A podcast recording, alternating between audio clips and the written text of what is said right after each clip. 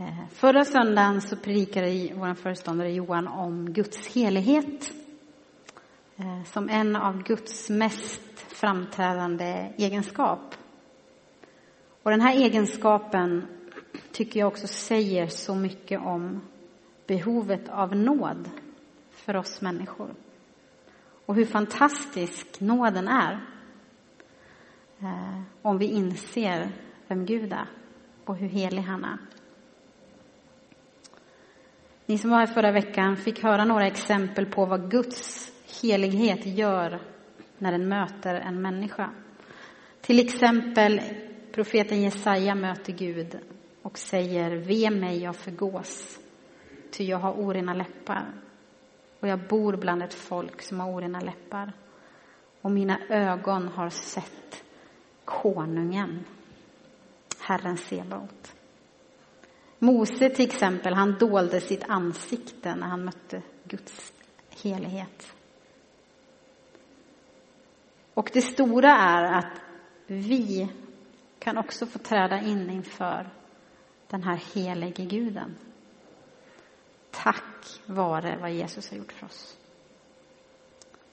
Det säger rätt mycket om Jesus och om hans nåd. Och som jag sa så kommer vi uppehålla oss kring den text som Elin läste i början. Kring vad som sker i den himmelska gudstjänsten. Kring vem som är i fokus i den himmelska gudstjänsten. Eh, och det är en mäktig syn som Johannes försöker att beskriva. En syn som kanske är svårt med människans ord att beskriva. Där Gud är totalt i centrum och vad som sker när han får vara det. Och det här är en gudstjänst som även vi får ta del av här på jorden. Det vi gör nu när vi tillber Gud, vi på något sätt bara hänger på det som redan pågår. Vi skapar liksom inget nytt, utan vi är med i det som sker i den himmelska gudstjänsten. Vi får på något sätt en försmak här och nu på det som sker. Eh, och Uppenbarelseboken, den kan ju verka ganska obegriplig emellanåt, tycker i alla fall jag. Eh, men jag tänkte vi skulle fokusera på några saker idag och jag kommer läsa några bibeltexter. Men jag har även tagit hjälp av en teolog som heter Mikael Telbe som har gjort en bok som handlar om just Uppenbarelseboken. Eh, jag hoppas att ni vill följa med mig på den här resan idag. Eh, och jag önskar att när du hör ordet, att du liksom kan på något sätt se det framför dig. Vad vi faktiskt eh, kan få vara med om och vad Bibeln talar om sker i den himmelska gudstjänsten. Jag är lite förkyld, det är därför jag låter lite kaxig kanske. Eh, Mikael eh, Tellberg han skriver bland annat så här att Uppenbarelseboken är framför allt en bok om Gud och Lammet, det vill säga Jesus. Den är inramad av scener av gudstjänst och tillbedjan. Och allt börjar med att Johannes firar gudstjänst på Herrens dag. Och i bokens avslutning så förmanas Johannes av en ängel som han var på väg att tillbe med orden Gud ska du tillbe. Ingen annan, bara Gud. Och mellan bokens första och sista blad möter vi sedan åtskilliga gudstjänstscener. Hela skapelsen tillber. Och som jag sa så är det mycket som pågår kring tronen. Och Johannes, han vill verkligen att hans läsare ska få upp ögonen för vem det är som sitter på tronen. Och på det sättet dra in dem i trons centrum och locka sina läsare till tillbedjan. Och Uppenbarelseboken börjar så här. Detta är Jesu Kristi uppenbarelse som Gud gav honom för att visa sina tjänare vad som snart måste ske. Han sände sin ängel och gjorde det känt för sin tjänare Johannes som har vittnat om Guds ord och Jesu Kristi vittnesbörd, allt vad han själv har sett. Och lite senare så står det att eh, när, Jesus, när Johannes då får möta Jesus så är hans omedelbara reaktion. Han säger så här, när jag såg honom föll jag ner död för hans fötter. Men han lade sin högra hand på mig och sa, var inte rädd. Jag är den första och den siste, den levande. Jag var död och se, jag lever i evigheters evighet. Johannes omedelbara, omedelbara reaktion är att han faller ner som död för Jesu fötter. En reaktion på Jesu närvaro, en reaktion på Guds helighet, på Guds storhet. Och därför är det så fantastiskt där att Jesus svar på det, var inte rädd.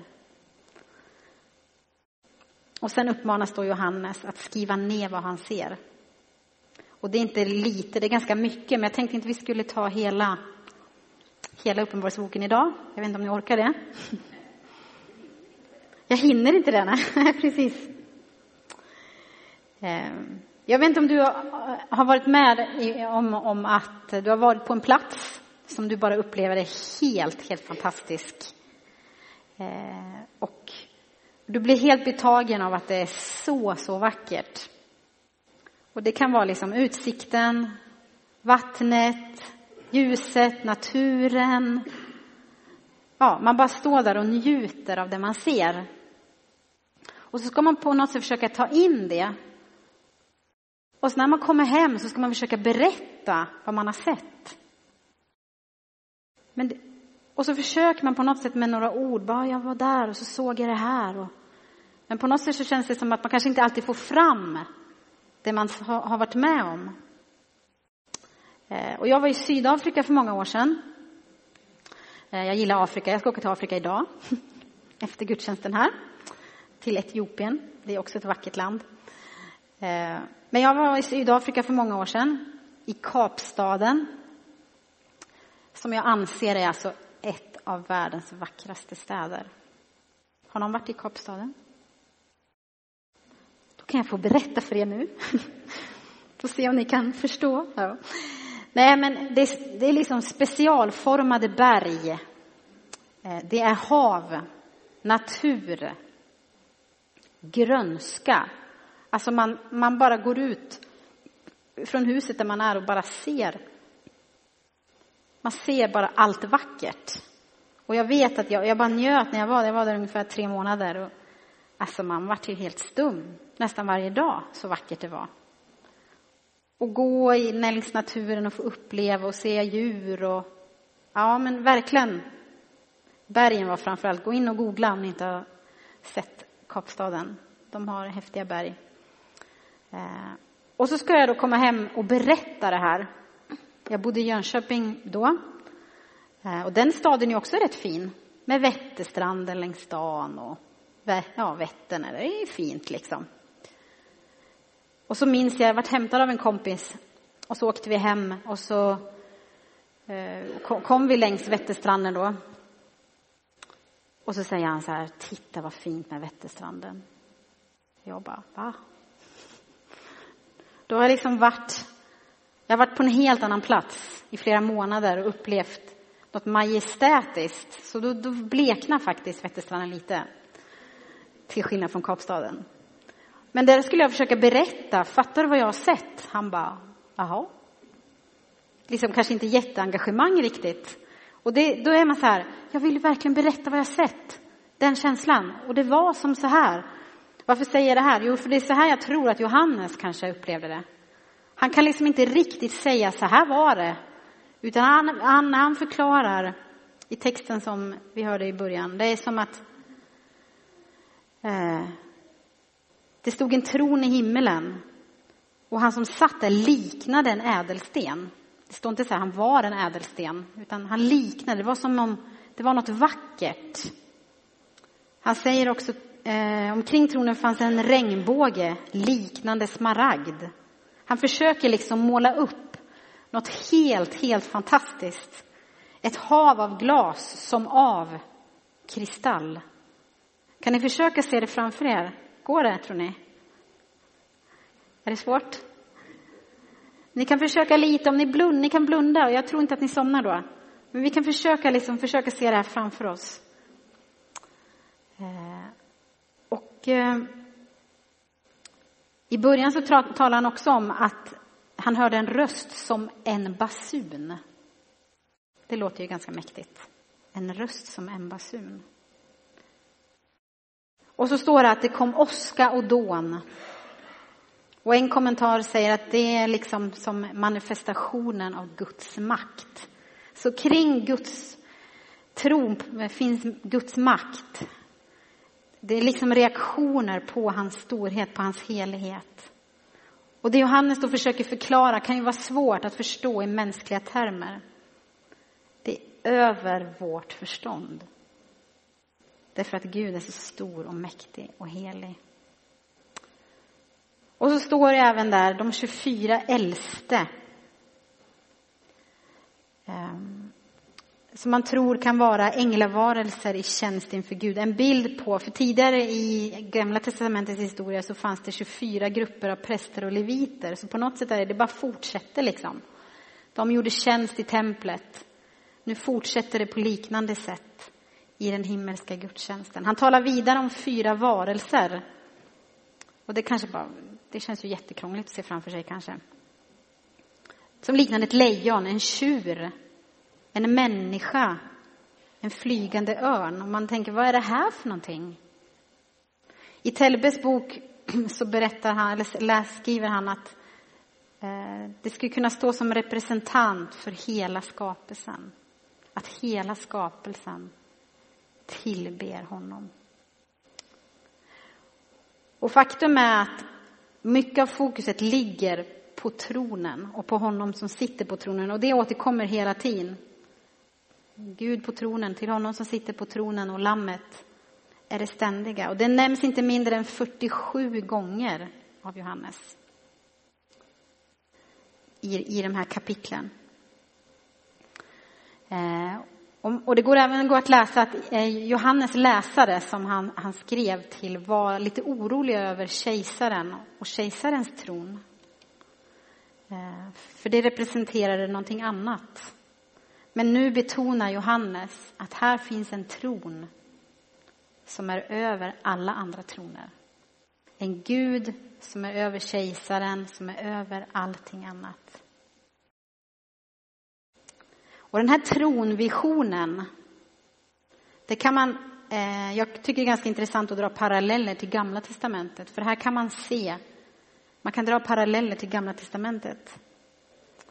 Eh, samma beskrivningar, det som jag var inne på innan, Jesaja 6. Eh, när Jesaja möter Gud, det är liksom det här, vad som händer kring tronen är samma beskrivning. Det står även i Hesekiel 1 Också liknande beskrivning. Man pratar om väsendena, de här fyra väsendena. Eh, och den trefaldiga tillbedjan, att Gud är helig, helig, helig. Det är liksom de, det som man betonar kring Guds tron. Och den finns både i Uppenbarelseboken 4 och i Jesaja 6. Så det finns liksom en tydlig röd tråd vad som sker kring Guds tron en, en tillbedjan som liksom har pågått i alla tider. Vi på något sätt är, vi är också en del av den tiden. Det har pågått före oss och det pågår nu och det kommer pågå. Så vi behöver bara följa med och få tag på vem Gud är. Vi får träda in i det. Det finns flera beskrivningar på den himmelska gudstjänsten. Uppenbarelseboken 5 och 13 säger och allt skapat i himlen och på jorden och under jorden och på allt som finns i den hörde jag säga honom som sitter på tronen honom och lammet tillhör lovsången äran och härligheten och makten i evigheters evighet. Fortsättningsvis i Uppenbarelseboken 7 så står det och alla änglar stod runt omkring tronen kring de äldste och de fyra väsendena och de föll ner för sina ansikten och tillbad Gud och sa Amen. Lovsången, härligheten, visheten, tacksägelsen, äran och makten och kraften tillhör vår Gud i evigheters evighet. Här står det att de föll ner på sina ansikten. Tidigare när vi läste från början så satt de på sina troner. Nu faller de ner, lägger ner sina, sina kronor inför Gud och ödmjukar sig därför att de möter en helig Gud. Det finns en bok som kom ut för många, många år sedan som heter Tillbedjaren som vägrar ge upp, skriven av en musiker och låtsasledare som heter Matt Redman från England. Han skriver så här i sin bok. Nyligen slog det mig hur många gånger som människor i Bibeln möter Gud och hamnar på sina knän. Johannes möter Jesus i hans härlighet och faller ner död vid hans fötter. Tre kapitel senare faller även de 24 äldste ner inför Gud och tillber honom. Psalm 72.11 säger oss att alla kungar ska falla ner inför honom. Och vi vet naturligtvis att en dag ska alla knän böja sig. Men så skriver han vidare. Ändå finns, finner vi en, en av de starkaste bilderna i ett semane trädgård. Någon kanske invänder och säger att Jesus här är som mest kraftlös. Korsets grymheter väntar honom och det kommer bland annat soldater, fariseer, ledare för att arrestera honom. Och så står det Jesus som visste om allt som väntade honom gick ut till dem och frågade Vem söker ni? De svarade Jesus från Nasaret. Han sa Det är jag. Och det här namnet är ett beteckning på, på Gud. Det är samma ord som Gud använde när han talade till Mose i den brinnande busken. Det är jag.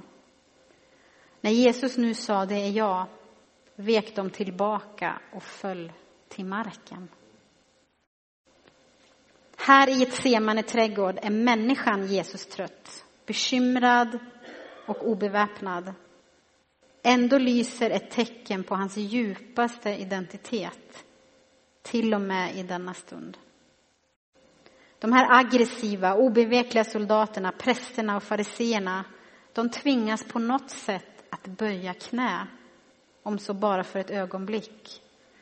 Hur mycket skulle inte då vi ödmjuka tillbedjare av den korsfäste, den uppståndne, den uppstigne Jesus leta ut ett golvutrymme. När vi verkligen tänker på Guds storhet, jag lägger till helighet, kommer våra lovsångsstunder, våra sångstunder ännu mer börja likna den himmelska tronsalen. Änglarna sjunger, och det gör vi också. De levande varelser brister ut i lovprisning och vi stämmer in med dem. De 24 äldste föll ner för sina ansikten. Och sen så uttrycker Matt en bön som jag också själv har. Jag önskar verkligen att vi skulle få se vad de ser. Som de gör lite oftare. För att böja sig ner är det yttersta tecknet på vördnad. Att böja sig ner är det yttersta tecknet på vördnad. Att möta Guds närvaro gör någonting med oss. Låt oss få erfara det ännu mer. Jag längtar efter det. Uppenbarelseboken 15 säger Ty du ensam är helig. Alla folk ska komma och tillbe inför dig. Din rättfärdighet har uppenbarats. Här lyfts återigen Guds helighet upp och att alla folk ska komma och tillbe inför honom. Det som sker i den himmelska gudstjänsten, som jag sa, kan vi få vara en del av det redan nu och här. Och Tell beskriver i sin bok att den himmelska gudstjänsten i Uppenbarelseboken fungerar som en källa till inspiration för församlingens gudstjänst på jorden. Församlingen lockas in att stämma in i den himmelska lovsången. så blandar sig församlingens sång med de himmelska körerna. Inför Guds tron finns en himmelsk församling som den jordiska församlingen står i osynlig förbindelse med. Tänk om vi idag kunde bara få en aning om vad som sker i den himmelska tronsalen och bara, bara få vara med i det. Jag längtar efter det. Jag har faktiskt en egen upplevelse och erfarenhet av det här och jag vet att jag har nog berättat det tidigare för er när jag predikade om tillbedjans uttryck i förra året tror jag. Eh, och det var när min stora syster begravdes i oktober 2014. Vi började sjunga eh, Lova Herren min själ. Tillbe den helige. Och i den där stunden, mitt i en stund, det djupaste av smärtor som man upplever, så upplevde jag Guds närvaro. Jag upplevde liksom en aning av något himmelskt. Att vi som stod där, vi fick vara med och tillbe Gud med himlen. Och min syster var med, kändes det som. Och hon hade på något sätt gått före.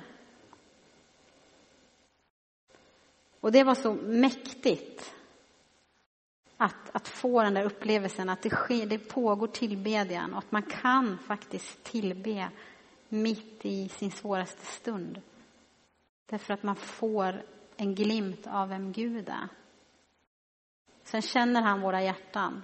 Han vet vad vi går igenom. Men när vi får rikta vår blick på honom så gör det något med oss.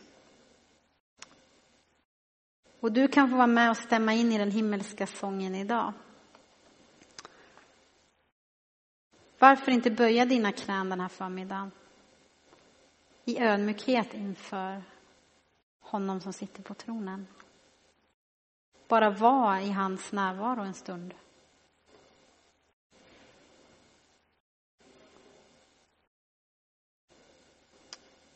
Och, och sträcka dig mot honom idag. Genom att bara sitta där, vara där.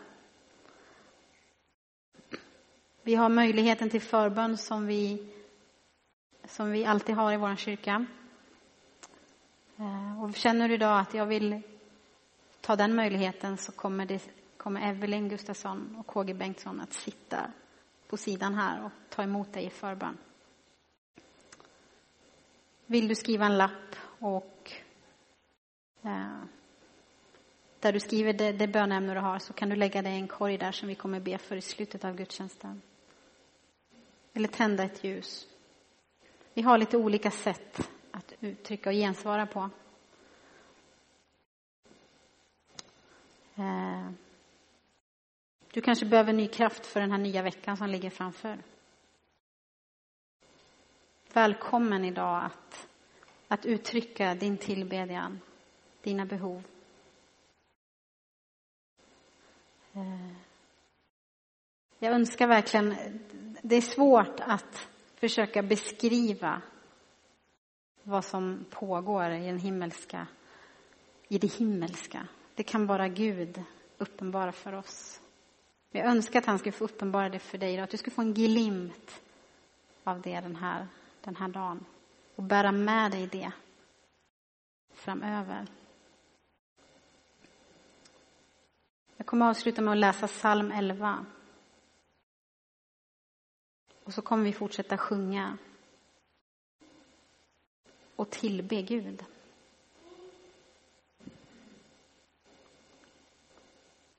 Herren är i sitt heliga tempel.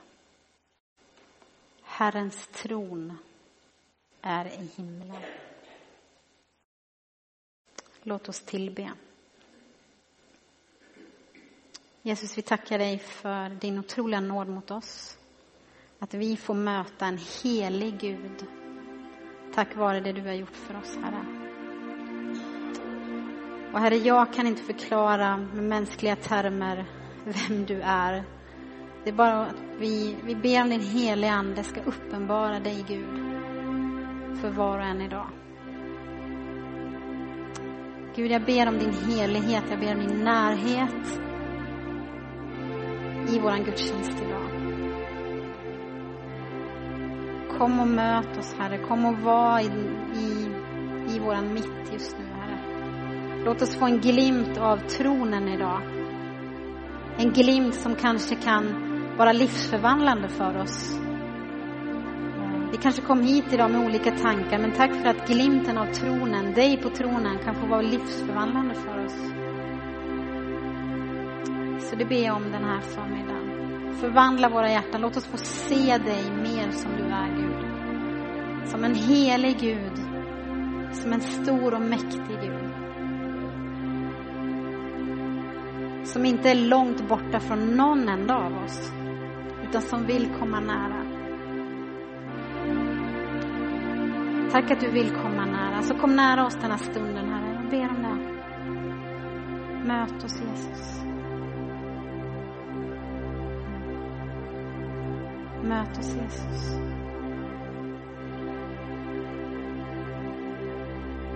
Till den som sitter